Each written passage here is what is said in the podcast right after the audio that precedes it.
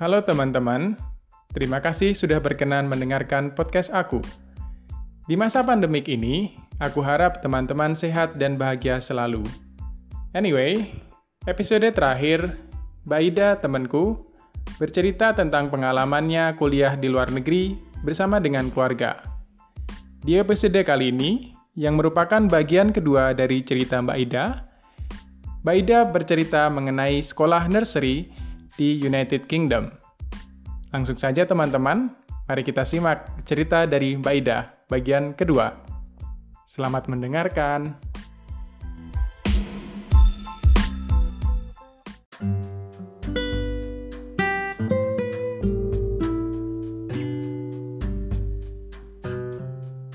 Mbak Ida, hmm. satu pertanyaan yang agak nendang nih. Oh. Jadi menyesal nggak nih membuat keluarga oh jelas tidak dong nih kita tuh sampai berandai-andai um, mungkin nggak ya sekolah lagi ikut lagi mungkin aduh umur gue udah segini amin, amin, amin. Gitu. Ya. cuman ya nggak nggak nggak ada nggak ada penyesalan jadi um, dia mendapat aku mendapatkan pengalaman berharga personal ya ini kalau bicara personal aku membawa, mendapatkan pengalaman berharga dia mendapatkan pengalaman berharga Mila mendapatkan kenangan berharga pada saat dia di sekolah di sana. Kemarin lucu loh Mas Dwi dia lucu banget. Jadi jadi aku keinget hmm. barusan beberapa hari yang lalu dia bilang gini uh, kenapa sih Umi sekolah di sini tuh berbeda dengan di sana? Oh dia sudah bisa membandingkan. Bedanya gimana gitu kan, oh, iya. bingung nih dia kan di sana cuma masuk uh, nursery ya yang usia tiga tahun gitu ya. Hmm. dan itu pun satu tahun nggak tetap gitu. Jadi dia bilang di sana itu menyenangkan. Di sini kan juga menyenangkan aku bilang gitu. Nggak beda umi. Jadi di sana itu uh, ruangan kelas yang sangat luas itu tuh hmm. ada uh, area yang itu uh, mereka bebas memilih. Jadi ada area melukis mewarnai kemudian ada area cooking ada area perkakas workshop uh, pertukangan uh, carpenter itu. Kemudian ada area berkebun ada area apa walaupun itu tuh cuman mainan plastik gitu. Cuman ada area-areanya sendiri. Jadi dia bebas memilih gitu ya. Oh aku hari ini moodku gambar oh hari ini aku moodnya membaca. Oh aku moodnya hari ini uh, mau berkebun. Oh aku moodnya hari ini memasak dia memilih gitu. Dan itu dibebaskan sedangkan di sini dikontrol kan? Hari ini kita memasak hari ini kita menggambar hari ini kita apa gitu. Kalau di sini harus disuruh. Kalau di sana kan kita bebas gitu. Maksudnya tuh mau mau hari ini mau ngapain pak? Walaupun ya memang sudah ada schedule-nya ada. Cuman begitu di awal mereka memilih bermain apa gitu. Itu dia tiba-tiba membandingkan seperti oh ternyata dia masih ingat gitu. Masih ingat waktu dia sekolah di sana tuh dia masih masih ingat pengalamannya seperti apa kayak gitu. Masing-masing dari kami punya memori yang sampai sekarang kita masih kalau lagi jalan gitu ya lagi makan tuh kita sering nostalgia gitu. Oh iya ya dulu tuh kayak gini gini gini. Yang mana Umi? Milanya harus diingetin lagi gitu. Tapi dia tetap ingat gitu. Itu um, it's an experience mas. Jadi pengalamannya benar-benar luar biasa. Pengalaman hidup selama setahun itu tuh wow luar biasa ya satu tahun yang istilahnya udah udah banyak banget yang yang bisa kita pelajarin ya yang kita dapatkan. Dan apa yang yang sangat kita syukuri nggak cuma istilahnya cuma kita yang lulus gitu ya mbak. Jadi keluarga kita juga ikutan lulus betul, gitu betul, sih betul banget betul banget. Betul banget mas jadi semuanya tuh uh, satu tahap kehidupan gitu ya satu tahap kehidupan. Jauh di seberang sana kita lulus gitu. Lulus dengan membanggakan. Wah. Luar biasa. Jadi terharu. Luar biasa. Jadi eh, teman-teman sebagai informasi Mbak Ida itu dulu sekolah di Leeds bersama dengan keluarganya bersama dengan uh, dependent ya uh, suami dan juga anaknya itu waktu itu anaknya berusia tiga tahun, tahun ya mbak? Nah, tiga tahun dan itu uh, beberapa perlu beberapa hari untuk mendaftar sekolah di sana. Habis itu dapat kesempatan sekolah di sana. Itu masuknya apa namanya mbak? Nursery kah atau apa sih? Uh, kalau di eh, sekolah di sana untuk Mila jadi uh, anak usia tiga tahun itu sudah free nursery selama 15 jam jadi uh, okay. 15 jam uh, seminggu sorry 15 jam seminggu seminggu nah satu hmm satu harinya itu kan dari jam 3 sampai dari jam 9 sampai jam 3 berapa? 10, 11, 12, 13, 14, 6 jam ya. 6 jam, 6 jam, kemudian 3 jam. Jadi bisa memilih apakah selama lima hari mau uh, setengah sesi, jadi dari pagi sampai siang, atau dari siang sampai malam, hmm. atau seperti Mila. Jadi Mila itu dua hari full, satu hari setengah. Jadi pas 15 jam. Nah, uh, yang aku salut di sana itu uh, birokrasinya nggak beribet mas untuk daftarin anak uh, pendatang gitu ya, anak dependen gitu nggak beribet banget. Jadi masuk ke sana uh, daftar apakah masih ada kuota atau enggak gitu ya. Ternyata masih ada. Kalau masih ada kita cuma disuruh mengisi form gitu, kemudian kopi pas paspor kemudian copy resident uh, permit udah dan mereka proses dan hari itu juga sebenarnya Mila bisa masuk ke kelas gitu ya oh. hari itu juga dia bisa masuk sebenarnya tapi uh, kita undur setelah break um, semester gitu tengah semester karena Mila masih pakai popok waktu itu. Nah sekolahnya nggak oh. terima pakai popok gitu ya. Harus sudah bisa uh, um, ke kamar mandi sendiri. Jadi kita bawa pulang ini Mila nggak jadi sekolah. Padahal dia udah lihat tuh sekolahnya seperti apa dan dia very very excited gitu kan dengan kondisi kelas yang seperti itu menyenangkan gitu. Kemudian pulang. Nah pas pulang dia nanya loh Umi kenapa Mila nggak jadi sekolah? Terus dia aku bilang dong kamu masih pakai popok sih jadi sekolahnya nggak boleh gitu. Hari itu juga dia nggak mau pakai popok. Karena apa? Dia sudah terstimulan untuk aku harus sekolah sekolahnya sangat menyenangkan. Jadi begitu dia masuk ke kelas Mas Dwi dia tuh yang sudah sangat excited untuk mencoba semua peralatan yang ada di sekolah. Tuh jadi uh, semenarik itu gitu ya baru-baru ruangannya aja tuh dia tuh yang yang wah sekolahnya menyenangkan. Udah uh, auranya tuh udah seperti itu. Akhirnya setelah libur dia masuk tidak ada drama. Tidak ada drama sama sekali. Oh. pulang dijemput udah ada cerita aja nyeloteh setiap hari. Dan dua bulan bahasa Inggrisnya udah cas nggak karu karuan dua bulan tuh. Sayang dua bulan dua bulan. Dan itu uh, aksennya juga aksen sana nggak sih? Oh yo eh wah wah ya kalau kalau aku lihat uh, apa teman-teman Indonesia yang membawa anak uh, dan keluarga itu juga itu kanak-kanaknya kalau kumpul itu udah udah kayak kayak orang Inggris dengan fisik orang Asia gitu. Jadi logatnya benar-benar British banget yeah. ya wow luar biasa. Iya dan uh, ini lucunya nih kalau di Jogja ya kan ketemu sama anaknya Mbak Maudi Mas Hafiz kemudian ketemu anaknya Mas Zain sama Mbak Cesa gitu ya Khalifa. Terus mereka uh, jadi gini uh, Mila bahasa Indonesia sekarang udah pakai bahasa Indonesia terus ya tapi ketika ketemu sama teman-teman itu ketemu sama si Khalifa sama ketemu sama Zeze gitu ya. Switch langsung loh mas Dwi. Langsung selep bahasa Inggris. Udah kayak mencet tombol oh. doang. Udah. Udah ganti udah. Jadi selama mereka main udah Inggris aja. Buset ini bocah. Cepet banget ganti. Gitu udah. Otomatis otomatis udah kita tuh aku aku ngajak Mila berbahasa Inggris. Dia nggak pernah mau jarang banget mau mau respon dengan bahasa Inggris. Tapi begitu dia ketemu dengan seangkatannya langsung switch channel bahasa Inggris. Wow menarik loh itu loh kok bisa seperti iya. itu ya. Wow. Pusing mamanya. Nah um, tadi kan Mbak Ida bilang ya bahwa Mila boleh memilih kelas mana yang dia mau kan. Itu kan uh, cooking, drawing, kemudian uh, painting mungkin. Ada nggak sih yang lebih istilahnya lebih terkesan apa ya? Bukan skill, bukan skill. Kalau tadi kan skill kayak ya mungkin kayak membaca hitung gitu juga skill skill juga sih. Tapi ada nggak sih mbak yang kelas di sana yang kelas membaca, kelas uh, berhitung, itu juga ada nggak di sekolahnya Mila dulu? Uh, Mila itu waktu di sana selama setahun di nursery itu tidak langsung disuruh membaca, tapi membaca gambar, mas.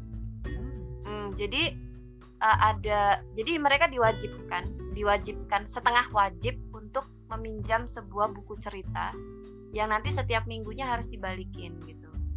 Nah, jadi di sekolah itu mereka tuh dibacakan cerita gitu ya dibacaan cerita jadi mereka duduknya melingkar si guru di, di tengah nih membaca cerita sederhana yang tentang beruang mencari hadiah untuk ibunya lah atau kodok lagi ngapain gitu ya. Pokoknya cerita-cerita yang sangat-sangat simpel yang kalau dilihat gambarnya itu kebanyakan gambar daripada tulisan gitu. Nah jadi uh, guru itu akan membacakan si anak-anak itu akan menyimak kemudian anak itu ditanya tadi ceritain tentang apa ya? Kodoknya lagi ngapain? Kenapa kodoknya seperti itu? Jadi apa itu um, konsep nalar dia mengerti nggak dia dengan cerita? Dia lihat gambar dia bisa membaca gambar itu gitu itu yang diajarkan dari sekolah jadi nggak langsung yang uh, a y ayah h ayah gitu mengejar enggak enggak enggak seperti itu jadi lebih banyak mereka exploring main um, mengenal huruf dengan dengan cara mengeja yang berbeda dengan kita. Jadi kalau kita tuh kan ejanya A, B, C, D gitu ya. Misalnya Budi itu ya B U B D I D Budi gitu. Kalau di sana namanya alfabet fonetik. Jadi bunyi, Mas. Jadi ah, beh, ceh, deh. Jadi itu jadi lebih menekankan ke bunyi huruf tersebut bukan bukan hurufnya. Jadi mengejanya pun berbeda. Nah, di akhir nursery sayangnya Mila waktu itu nggak sempat sampai benar-benar mengeja dan membaca dalam bahasa fonetik itu nggak sempat cuman dia sudah mulai mengenal. Jadi S itu tidak disebutkan S tapi seh kemudian P itu peh kemudian D itu deh gitu. Jadi bunyinya. Mengejanya tuh bunyinya. Jadi misalnya momi itu ya meh oh meh meh yeh momi oh. Iya jadi okay. alfabetik phonetics namanya. Jadi bunyinya yang disebutkan. Nah itu uh, apa namanya Mila sempat mengenal aja tapi belum sempat sampai yang harus mengeja dan membaca. Karena kan nursery nggak sampai segitu. Lebih banyak lebih banyak ke motorik dan nalar. Masuk ke nalarnya dia. Jadi um, baca buku baca baca gambar. Jadi ada cerita gambar. Dia cer harus menceritakan ulang seperti apa dengan caranya. Kemudian mengenal alfabet fonetik itu tadi terus ya biasa motorik uh, apa namanya eh, hal-hal uh, sederhana kayak uh, cooking terus menggambar dan segala macamnya itu normal. Menyanyi menyanyi yang baru-baru kayak gitu dengan gerakan uh, koordinasi otak kayak gitu itu yang lebih banyak sih di sana. Yang yang tadi itu menarik tuh mbak kayak Mila diwajibkan untuk pinjam satu buku dibawa ke rumah. Nah, kalau sudah pinjam, terus kegiatan di rumahnya dengan buku itu biasanya apa itu, Mbak? Iya, jadi kan um, Mila di, di diwajibkan setengah wajib ya, pokoknya disuruh lah pinjem buku di perpusnya sekolah satu buku setiap minggu gitu. Nah, menarik memang karena di sini orang tua harus kudu wajib berperan untuk literasi anak-anak itu. Jadi ada kita tuh dikasih orang tua tuh dikasih semacam list selembar kertas gitu ya panduan untuk orang tua ketika mendampingi si anak ini untuk belajar uh, membaca. Jadi yang pertama kita harus membacakan cerita itu berulang-ulang selama seminggu uh, dan harus ada interaksi pada saat membaca buku itu bersama-sama melihat gambar bersama-sama melihat uh, buku itu isinya apa. Nah terus satu lembar kertas isinya panduan untuk orang tua itu isinya semacam list pertanyaan untuk untuk menguji anak ini apakah paham atau enggak dengan cerita. Misalnya gini listnya tuh isinya uh, tadi cerita tentang, tentang apa mil? Misalnya gitu. Terus uh, kenapa kodoknya bersedih? Kenapa uh, apa namanya misalnya beruangnya kenapa dia uh, gembira sekali gitu. Jadi ada jadi kan cerita itu kan ada alur ya. Alur cerita sederhana itu kan ada alur. Nah jadi list itu panduannya untuk untuk uh, panduan si orang tua untuk berinteraksi sama anak meyakinkan bahwa anaknya ini paham dengan isi cerita. Jadi di sana itu memang orang tua itu wajib ya wajib banget mendampingi anak belajar dan ini baru nursery. Kalau yang udah ke year 1, 2, 3 dan seterusnya itu kalau nggak salah ada semacam buku report dari rumah orang tua yang di mana dia harus uh, benar-benar mendampingi si anak dalam membaca buku gitu. Peran orang tua itu di sana benar-benar harus uh, bertanggung jawab ketika anaknya udah mulai sekolah orang tuanya tuh benar-benar harus benar-benar harus andil dalam progres si anak dalam dalam akademisnya. Jadi uh, membacanya gimana uh, apa namanya uh, pendampingannya gimana kayak gitu-gitu. Jadi harus didampingi di di rumah. Nanti di ketika buku itu dikembalikan bisa aja anak ini nanti ditanya ceritanya tentang apa sih bukunya itu gitu do you know what what what kind of story is that? What happened with the frog? Something like that. Jadi um, dengan bahasanya sendiri tentunya ya. Jadi dia menceritakan ulang dengan gaya yang sederhana. Tapi kan kalau dia udah nangkap ceritanya kan dia mau cerita lebih gampang gitu. Untuk ngelatih PD-nya dia juga. Gitu sih kalau kalau mengenai buku yang dipinjam. Nah kali ini pasti nih banyak yang pengen tahu nih. Kalau boleh tahu mbak kira-kira dulu Mila sekolah bayar berapa sih sekolah untuk nursery di sana boleh dong, masalah biaya itu crucial biar bisa direncanakan jauh-jauh hari. Jadi sebelumnya udah aku bilang kalau anak usia 3 tahun itu sudah free nursery 15 jam seminggu gitu ya. Um, tapi cuma 15 jam, yaitu jadi dalam satu hari itu ada dari jam 9 sampai jam 6 Nah, kalau nursery itu dipecah jadi dua, se dua sesi itu. Jadi sesi pagi jam 9 sampai jam setengah 12, jam 12. Kemudian sesi siang itu jam 12 setengah 1 sampai jam 3. Nah, e, kalau Mila kemarin ngambil 15 jamnya aja free. Jadi dua hari setengah dua harinya full yang hari satu yang sehari berikutnya itu hanya setengah se uh, satu sesi aja jadi sampai setengah hari itu yang gratis nah kebetulan sekolahnya Mila waktu itu uh, menawarkan karena masih ada kuota ya. Jadi menawarkan tambahan uh, dari 15 jam tersebut tapi harus membayar sekitar 10 pound per sesi. Jadi misalnya nambahnya dua sesi ya 20 pound, nambahnya tiga sesi ya kali aja itu kali tiga gitu. Pokoknya satu sesinya 10 pound. Lumayan sih bunyi ya sehari segitu itu uh, untuk yang usia 3 tahun di nurs di nursery uh, kalau untuk di bawah tiga tahun misalnya dua tahun sudah mau di uh, daycare gitu ya karena mungkin dua-dua orang tuanya atau dua-dua orang tuanya kuliah gitu.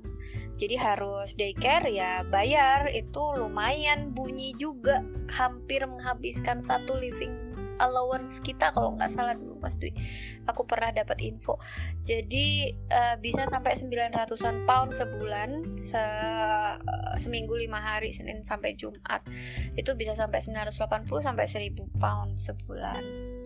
Nah nursery itu juga aku kurang yakin karena waktu dulu Mila itu kayaknya publik ya publik ada ada yang uh, swasta punya itu juga bayarnya ya ya ya bayar juga mahal juga itu ya sekitaran segitu sebulan sekitar sekitar 900 sampai seribuan pound per apa ya per bulannya gitu.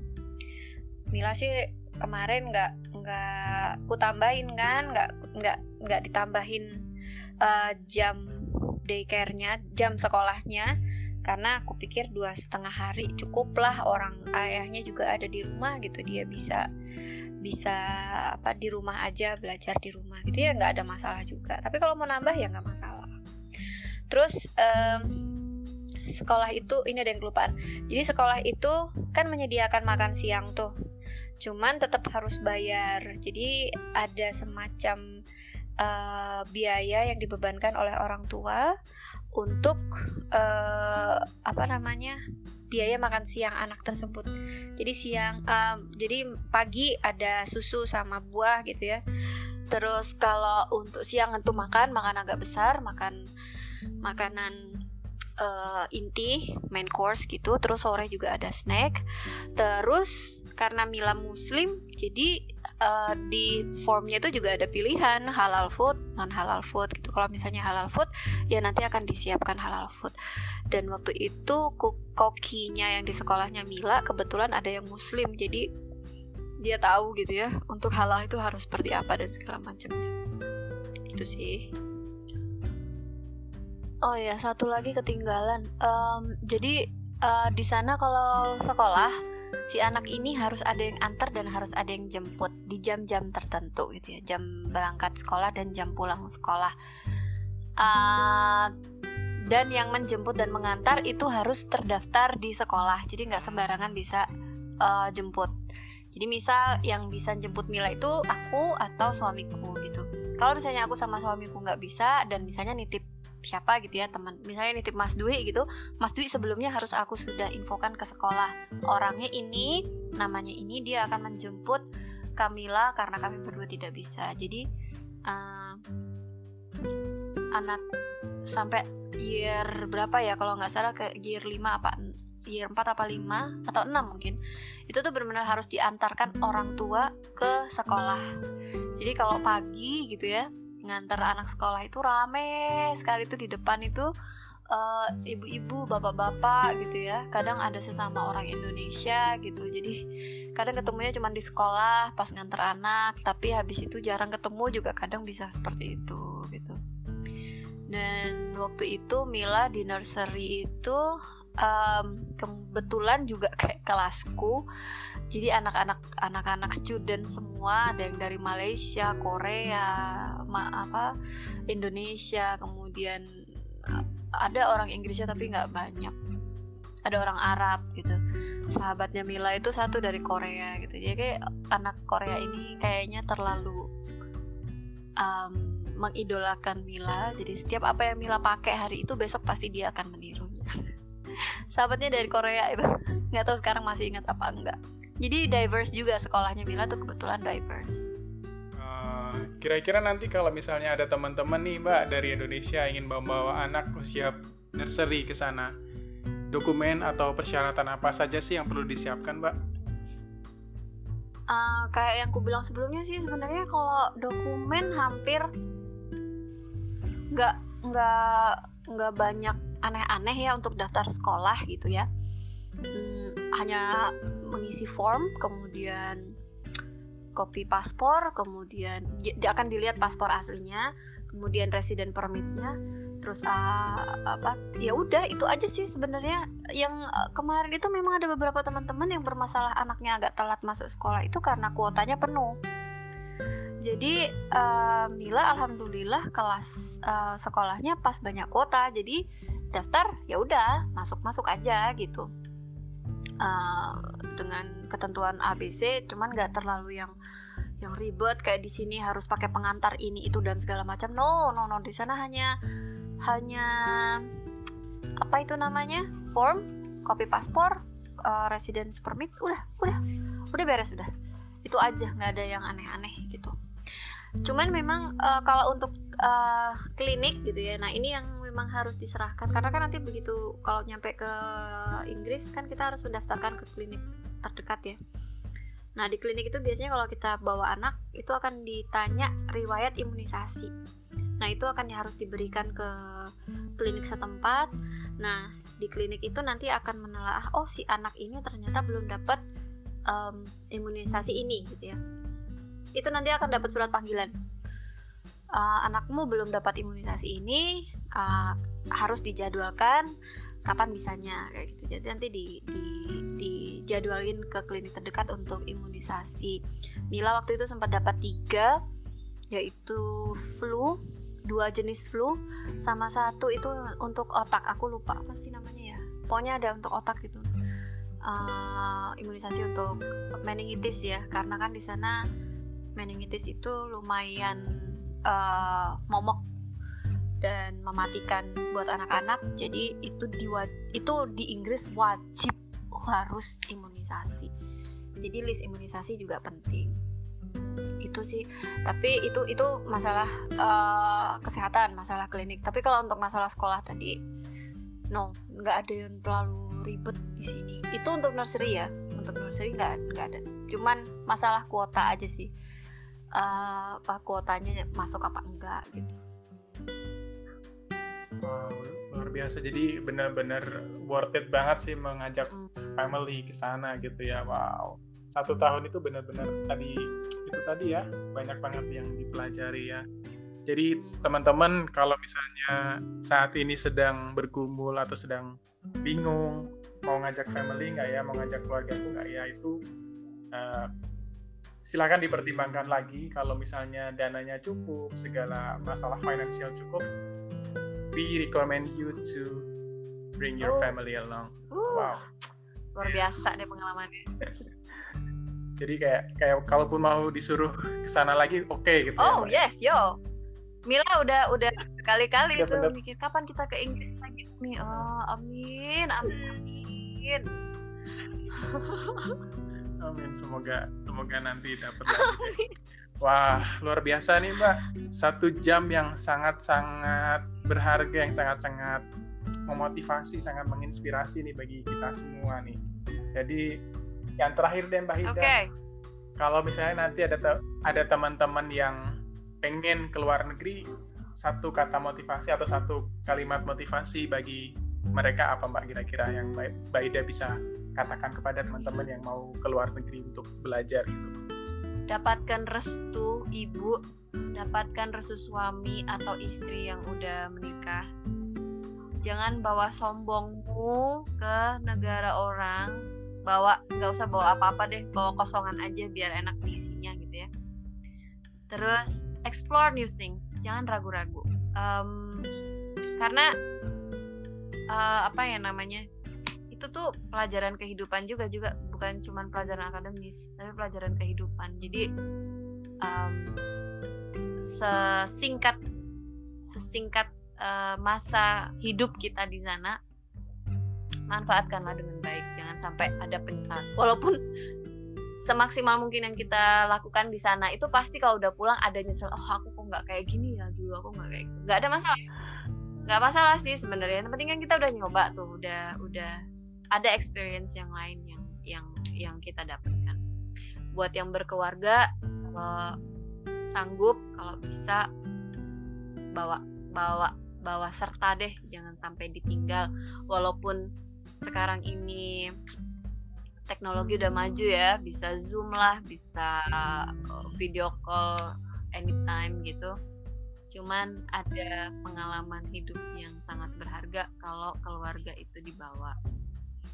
Jadi um, persiapin mental persiapin fisik itu aja mental sih kalau aku yang terutama kalau fisik kan insya Allah ya sehat selalu. Tapi kalau dari segi mental dan pikiran um, itu yang yang benar-benar harus di apa disiapkan sebelum berangkat berbagi, eh, brainstorming dengan teman-teman yang sudah pernah keluar itu aku kira sangat sangat diperlukan ya buat buat motivasi buat persiapan dan segala macam gitu.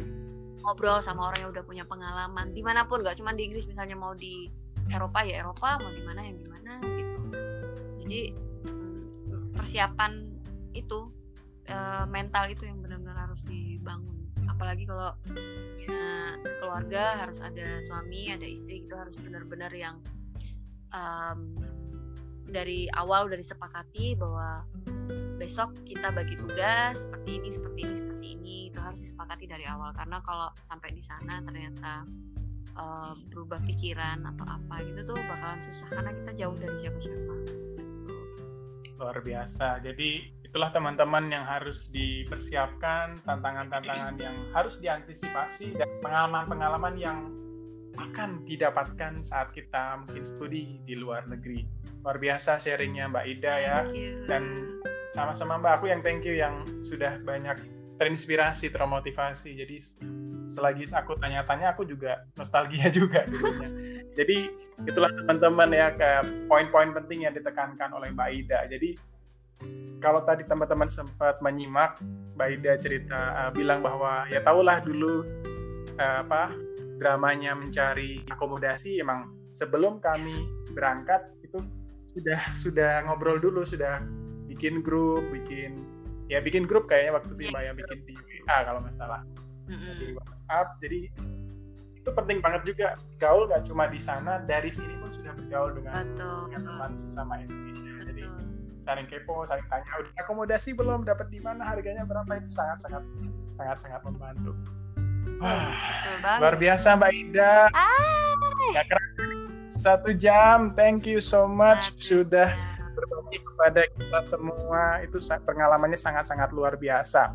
Iya. Sampaikan salam Mas Jaeng, salamku buat Mila ya kapan-kapan kalau aku ke Jogja kita ketemuan ya. Insya Allah. Karena kondisinya kondisinya lagi kayak gini, oh, lagi COVID kayak gini. Kapan lagi dah kita berdoa biar ini segera berakhir gitu ya Mbak. Amin. Dan kalau kalau teman-teman ingin tanya-tanya ke Mbak Ida langsung, is that okay?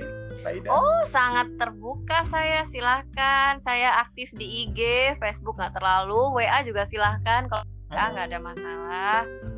Semakin banyak saudara, semakin banyak teman mah. Kalau saya semakin banyak rezeki. Itu aja sih, Mas. Itulah yang saya sangat sangat kagumi dari Mbak Ida itu sangat welcome, sangat sangat bersahabat, sangat apa ya kalau bahasa Jawanya itu apa ya kayak kayak kayak apa ya kayak ayo datang ke, ke tempatku dan kita nyaman lah di sekitar Mbak Ida itu gitu. Kalau mau teman-teman mau tanya lewat IG di mana Mbak IG-nya? Ida Novianti tanpa jeda Ida Novianti. Nah itu. Oke, itu ya di add Ida Novianti. Nanti aku ya, tulis di deskripsi ini juga. Jadi sekali lagi Mbak Ida, thank you so much for your time, your sharing. It's very valuable. It's wow. my pleasure, pleasure. Senang bisa berbagi. Semoga bermanfaat buat teman-teman semua. Pasti bermanfaat. Jadi kita jumpa di lain waktu ya Mbak Ida ya. Baik, Thank you. Sehat-sehat selalu ya. Nah, dadah Mbak Ida. Jika Bye dengan Wilski. Sure, sure. Mereka masih nonton TV kayaknya. Asik. Asik. Thank you, Mbak. Oke, okay, bye. bye.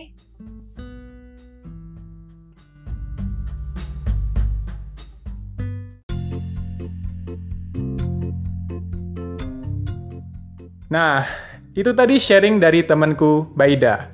Terima kasih teman-teman sudah berkenan mendengarkan. Kalau teman-teman ingin memberikan saran, kritik, atau pertanyaan, bisa kirim pesan pribadi ke Instagram aku. Stay at home, stay healthy. Bye.